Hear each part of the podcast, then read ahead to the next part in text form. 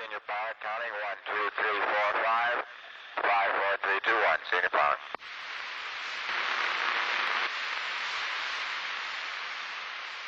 Þrýr bandarískir geimfarar fórust í eldsvoða á Kennedy höfða í gerkvöldi. Það voru þeir Virgil Grissom, Edward White og Roger Chaffee. Þeir þremenningarnir hafðu verið valdir til að fara í fyrstu Apollo-geimferðina hinn 21. næsta mánadar en hún átti að vera þáttur í undirbúningi að ferð mannaðs geimfars til tunglsins. Mennirnir þrýr voru inni í geimfarinu við þjálfun þegar eldur gaus upp í því og er talið að mennirnir hafi látist nær samstundis. Ekki var sprenging og sakaði enga menn aðra en margir voru umhverfis skotpallin er eldurinn gaus upp. Unnið er að rannsókn á eldsvoðanum. Í AP frétt frá aðalstöðum gemvísindamanna í Houston í Texas segir að slýst þetta geti orðið til þess að raska áætlun bandarísku gemferðastofnunarinnar og sé hætt við að tunglferðin geti ekki hafist fyrir nokkrum mánuðum setna en ráðgjert hafði verið. Verði nú unnið af kappi að því að kanna allar hugsanlegar orsakir þess að eldur kom upp í geimfærinu. Grissom geimfæri sem var fyrirlíðið þremenningana var 39 ára. Hann hafði farið í tvær geimferðir. Edward White sem var 35 ára hafði fyrstur bandaríkja manna farið út úr geimfæri á braud. Chaffee var yngstur, 31 árs og hafði aldrei farið í geimferð. Þetta er í fyrsta sinn sem manntjón verður í sambandi við geimferða áætlanir bandaríkja manna. Johnson Fossetti byrti tilkynningu jafn skjótt og hann fréttu um slísið þar sem hann lýsir harmi sínum og þjóðarinnar. Þannig hljómaði fyrsta frétt ríkisútvarpsins í hádeginu lögadaginn 28. januar árið 1967. Næstum sex ár úr liðin frá því að John F. Kennedy setti þjóðsynni það markmið að lenda manni á tunglinu fyrir loka áratugurins þegar Gus Grissom, Ed White og Roger Chaffee settust inn í Apollo-gemfæri sitt í hádeginu förstu daginn 27. januar 1967. Tilgangurinn var ekki að fara út í geiminn, heldur að gera hefðbunnar prófanir fyrir fyrstu mönnuðu geimferð Apollo-verkefnisins sem erði þremur vikum síðar. Apollo 1 var frumgerð geimfarsins sem átt að ferja menn alla leið frá jörðinni til tungsins.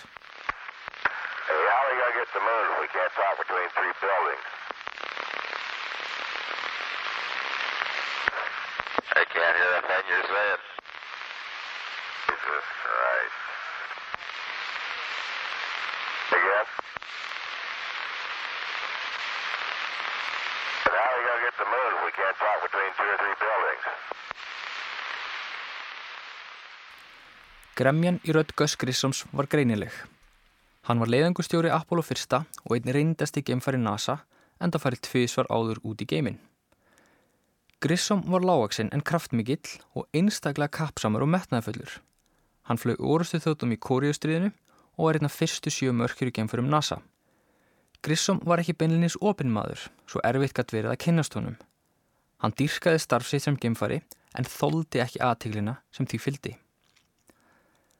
Fyrsta geimferð Grissoms endaði næstu með ósköpum. Þegar mörkjur í geimfar hans, Liberty Bell 7, lendi á Allandshafi árið 1961 eftir 15 mínútna ferðalag, sprakk lúa geimfarsins skindilega af, svo sjór flætti inn. Á endanum sökk geimfarið og var Grissom sjálfur næstum druknaður.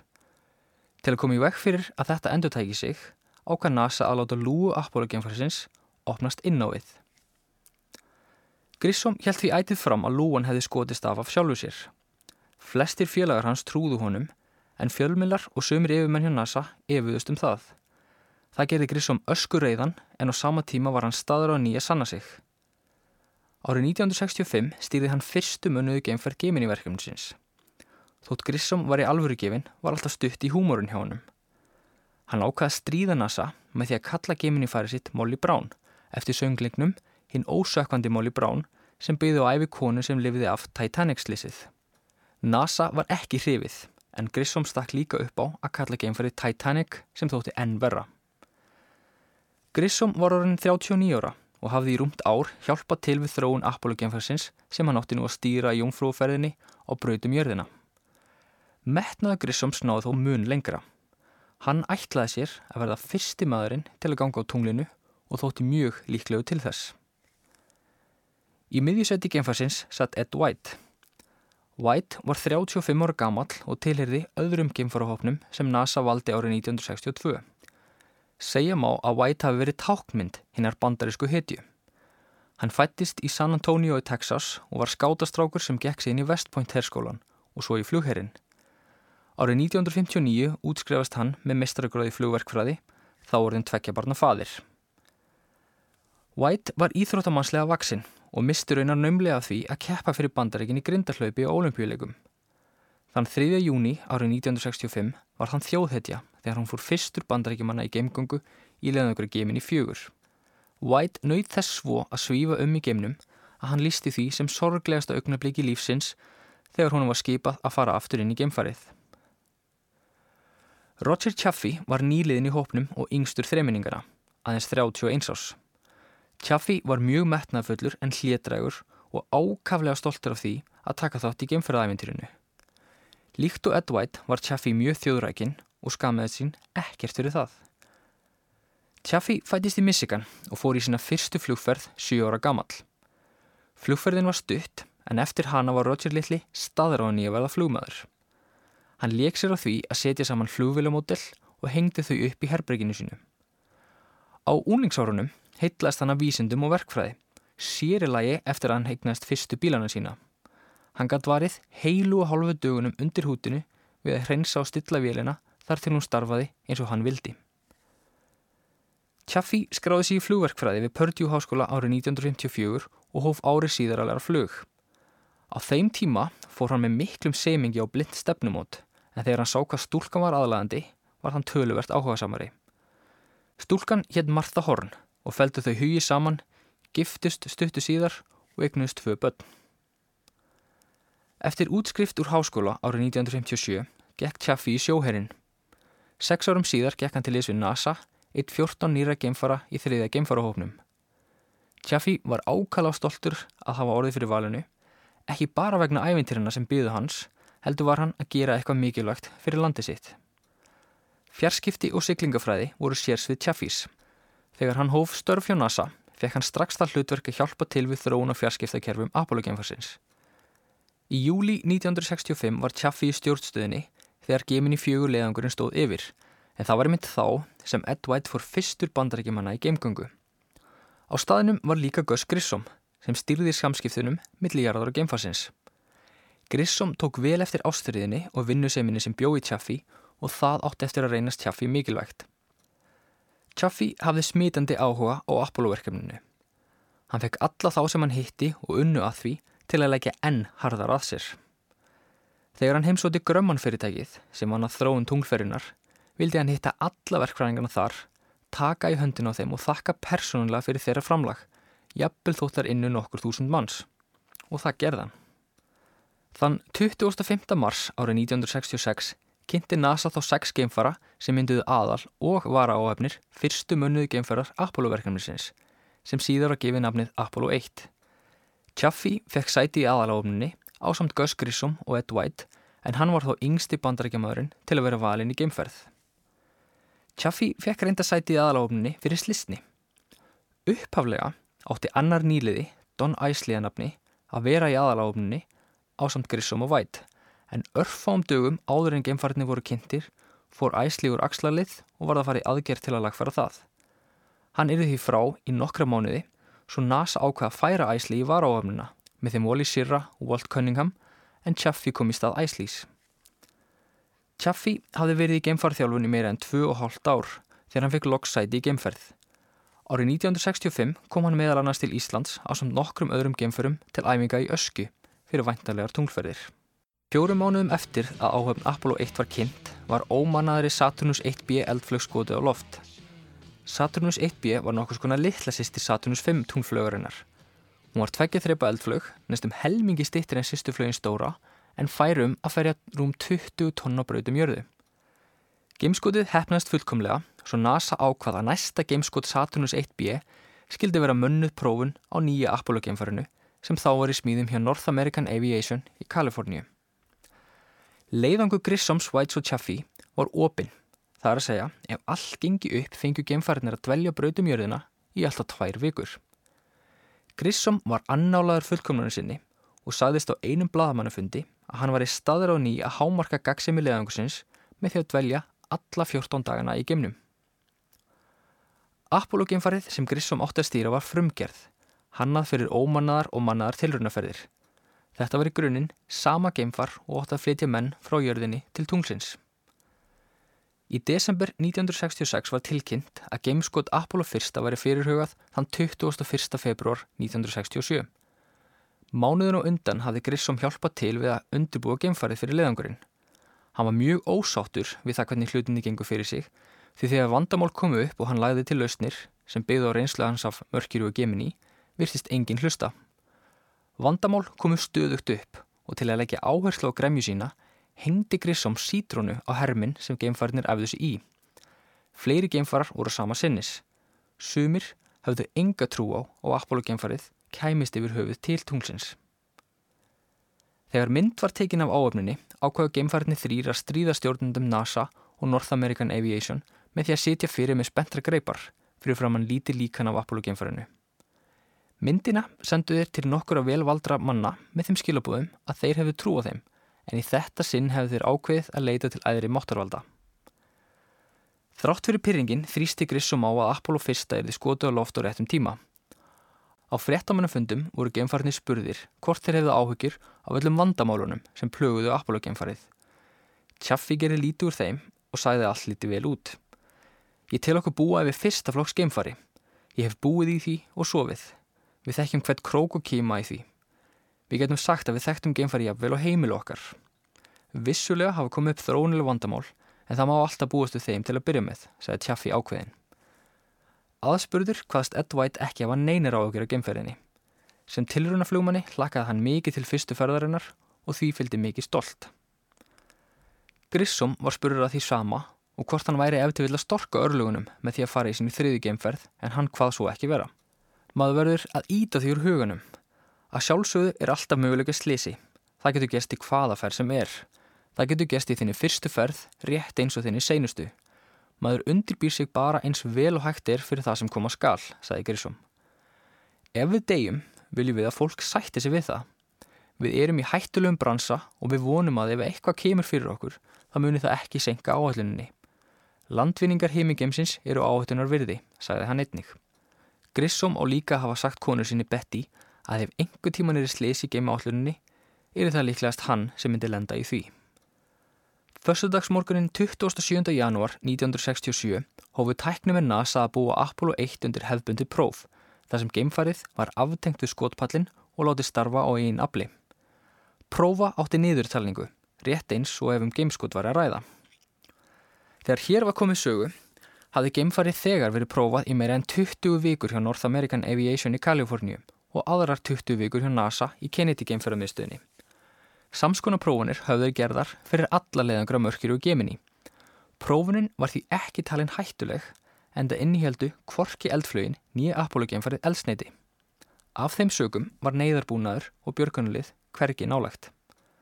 Um morgunin snættu þeir Grissom, White og Chaffee morgunverð á samt Joe Shea sem stýrði þróun Apollo geimferðsins fyrir NASA og Deke Slayton. Slayton var yfirmaður geimfarana og einna mörkir í geimförunum sjö en hann hafði verið kyrsettur vegna minni áttar hjartsláttatrublana. Hann var eitt besti vinur Gus Grissoms og vissi vel af óeinagi hans með Apollo geimfarið. Grissom bauð Shea að sitja inn í stjórnfarinu við prófununa svo hann fengi að upplifa fjarskiptavandamálinn sem höfðu plagað geimfarið. Shea samþýtti það í fyrstu en tæknimenn gáttu ekki útbúið fjarskiptabúna fyrir hann í tæka tíð. Eina leiðin var að hafa lúin að opna og láta snúru líkja út um hana. Í lók þessa tilþekna prófs átti líka að æfa neyðarútgöngu geimfarana. Shea ákvað því að dvelja ekki í geimfarinu. Grissom spurði þá Slayton hvort hann vildi dvelja með þeim í farinu. Slayton hugliti það en taldi sig gera meira gagn í stjórnstöðinni sem var nokkur hundru metra í burti frá skotpallinum. Mörgum árum setna velti Slayton því enn fyrir sér hvort hann hefði tekið rétta ákvörðun. Slayton fylgdi geimförunum alveg að geimfarinu sem var óvinnulegt. Geimfarinni þrýr settust inn í farið klukkan eitt eftir hádegi og fór Grissom fyrstur inn um lúuna og settist vinstra megin. Tjaffi fór næstur inn og settist hægra megin þar sem fjarskiptabúnaðurinn var en nú White fór seinastur inn í farið og settist í miðina. Á meðan geimfarinnir fóru gegnum gátlistan sinn lókuðu tæknumenn lúu geimfarsins. Lúan var þrískipt. Fyrst var innri lúa eða þrýsti lúa sem loka var með boltum. Næst var hitaskjaldalúan og loks kom Istalúan eða hlífinni við geimfarið sem skildi því fyrir eldflögum flóttaturtsins. Þetta var þunglúa sem opnaðist inn á við yfir sætið í miðinni sem Ed White sætt í. Til að yfirgefa geimfarið þurfti talsvert afl til að opna lúuna með því að losa sex læsingar. Að auki var það að losa þrýstingi stjórnklefunum áður en hægt var að opna lúuna. Á góðum degi gæti tekið alltaf halva mínundu að opna hana en á meðan áttu hínir geimfarnir tveir að losa beltin taka loft og fjarskiptabúna á sambandi og síðan íta sér einn af öðrum aftur og bakk út úr farinu. Þetta gæti verið mjög erfitt, sérstaklega í klunarlegum geimbúningum. Þannig örlaga líka dag átti að æfa þetta. Þegar skamt var liðið á prófununa fundu geimfarnir súra lykt. Tekið var síni en á meðan því stóð var niðurtalningin stöðuð. Lyktinn tengdist ekkert því sem á eftir fór. Fjarskipti gengur mjög illa sem fór mjög í taugunar og grissom en það dróst prófunin verulega. Sólinn gekk til viðar og flóðljós líst upp Saturnuseldflöguna og rauðaskoturnin í myrkrinu. Klukkan 18.20 var neyðutalningin stöðvuð vegna sí endurtekinna fjarskiptavandamála. Rétt rúmum tíu myndum síðar, klukkan 18.31, heyrði skallað.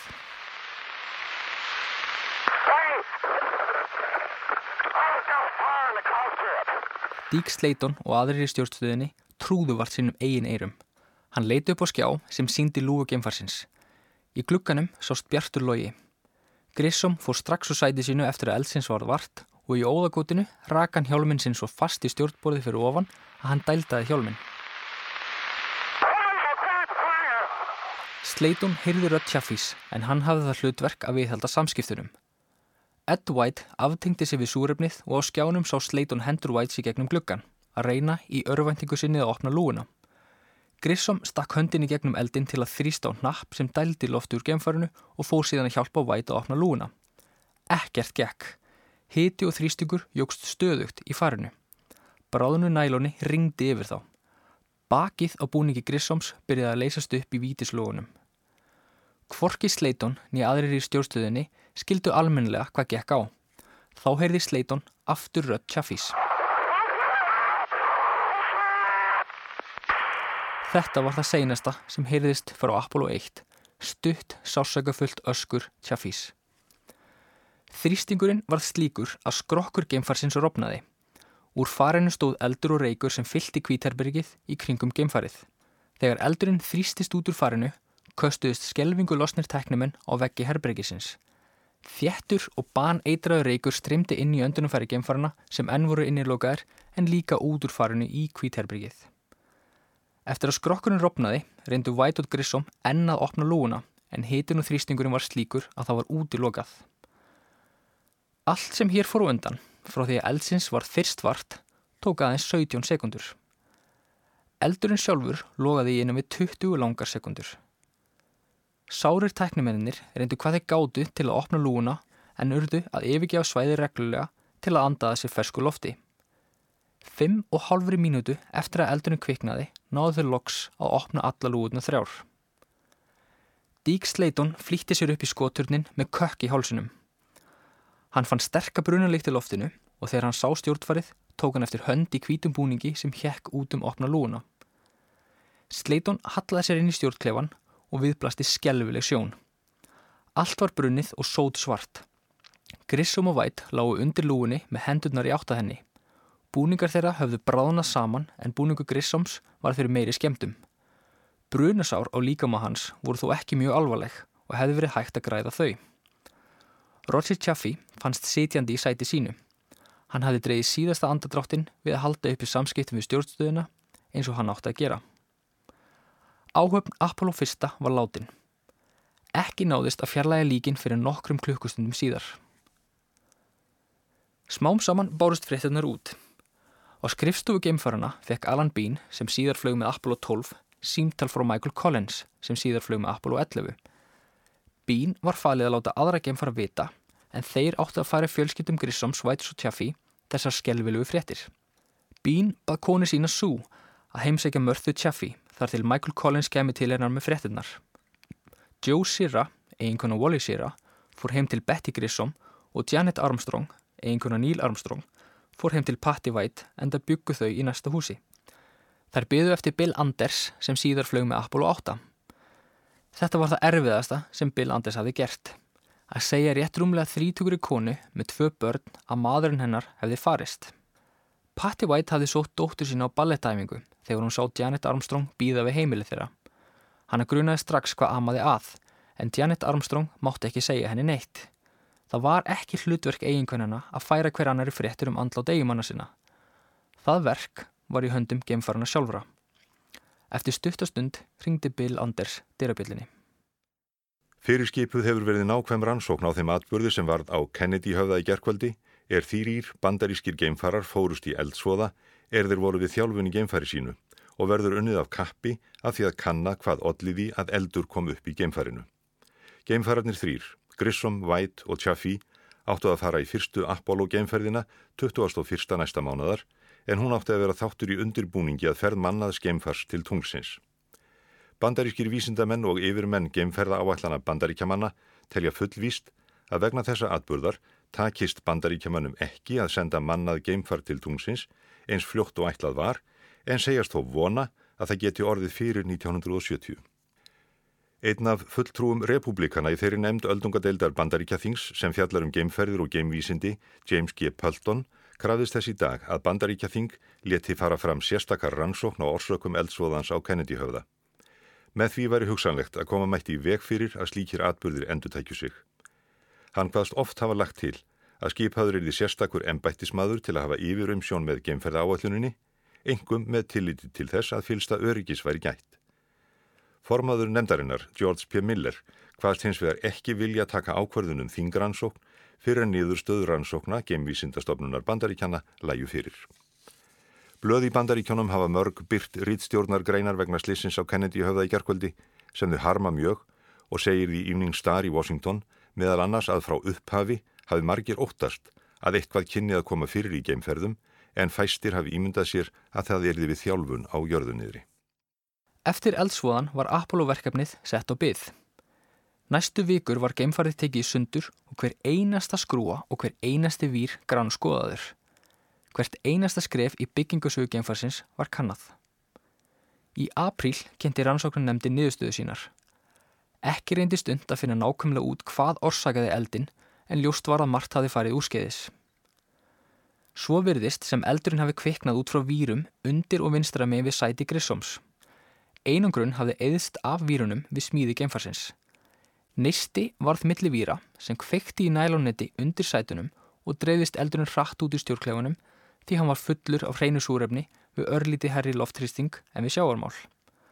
Á örfám sekundum fór hitin í yfir 1300 gráður á Celsius svo stjórnklefin breytist í brennsluofn. Þrýstingurinn varð svo hár að Grissom, White og Chaffee áttu aldrei möguleika á að opna lúuna. Eftir slísi var geimfarinu breytt. Eldfumum efnum var skipt út fyrir eldföst efni. Výrar voru bundnir saman og huldir til að koma vekk fyrir hættu og rafneistum. Lúan var endurhönnuð. Í stað þrý skiptar af lúu kom ein heil lúa sem hægt var að aflæsa og opna út á við á þremur sekundum. Í framtíðinni var hreinu súrefni skipt út fyrir súrefnis og nýturblöndi. Fimm vikum eftir eldsvoðan satt var áhöfn Apollo 1 við kvöldverð í Kennedy geimfærumistuðinni þegar Dík Sleiton gekk inn til þeirra og settist niður hjá þeim. Sleiton kom sér beint að efninu. Hann vildi að þeir myndi ljúka verkefni föllnu félaga sinna og fljúa fyrstu mönnuðu geimferð Apollo og koma bandaríkinum skrefinar því að ferðast frá jörðinni til tungsins.